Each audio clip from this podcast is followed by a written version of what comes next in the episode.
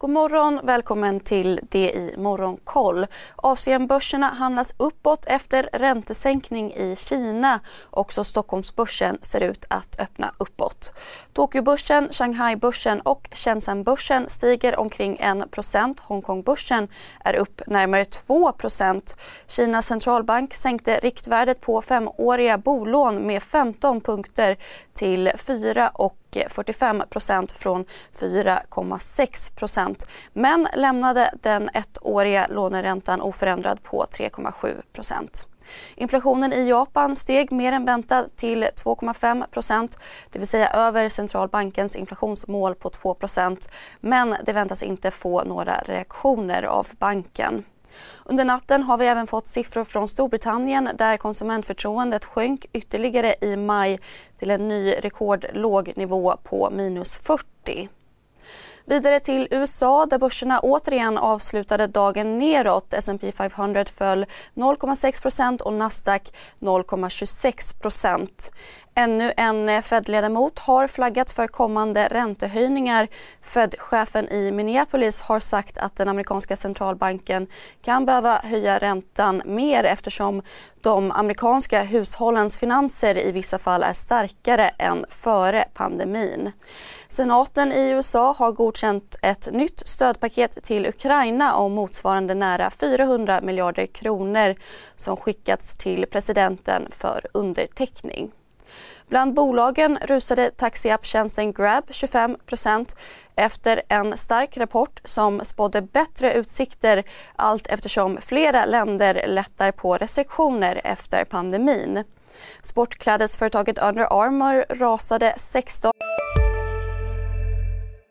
Har du också valt att bli egen? Då är det viktigt att skaffa en bra företagsförsäkring. Hos oss är alla småföretag stora och inga frågor för små. Swedeas företagsförsäkring är anpassad för mindre företag och täcker även sånt som din hemförsäkring inte täcker. Gå in på swedea.se företag och jämför själv.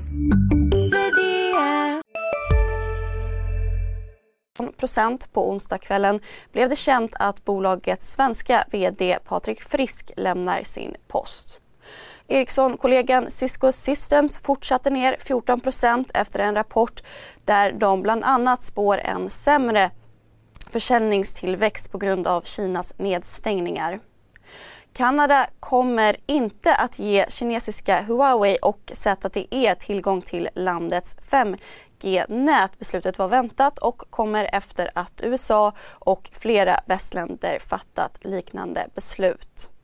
I Sverige har Volvo Cars delägda elbilsbolag Polestar sänkt sin leveransprognos för helåret 2022 från 65 000 till 50 000 bilar. Bolaget uppger att sänkningen beror på nedstängningarna i Kina. Samtidigt meddelades att försäljningen fördubblats och orderingången trefaldigats under perioden januari till april. Vidare har klädbolaget Björn Borg rapporterat ökat resultat och omsättning i det första kvartalet. Omsättningen steg med 22,7 procent vilket enligt vd Henrik Bunge var ett nytt rekord. Bruttomarginalen sjönk till 53 från 50 men enligt vdn beror det på tillfälliga störningar som ökade fraktkostnader och negativa valutaeffekter. Och insiderköpen har fortsatt i flera bolag. I veckan har Sandviks storägare Industrivärden köpt 1,5 miljoner aktier i Sandvik för cirka 290 miljoner kronor. Idag redovisar djurhälsobolaget Intervac sitt första kvartal under morgonen.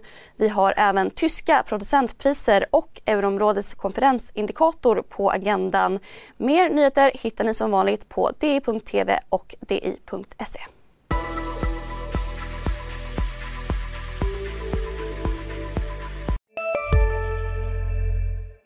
CSRD.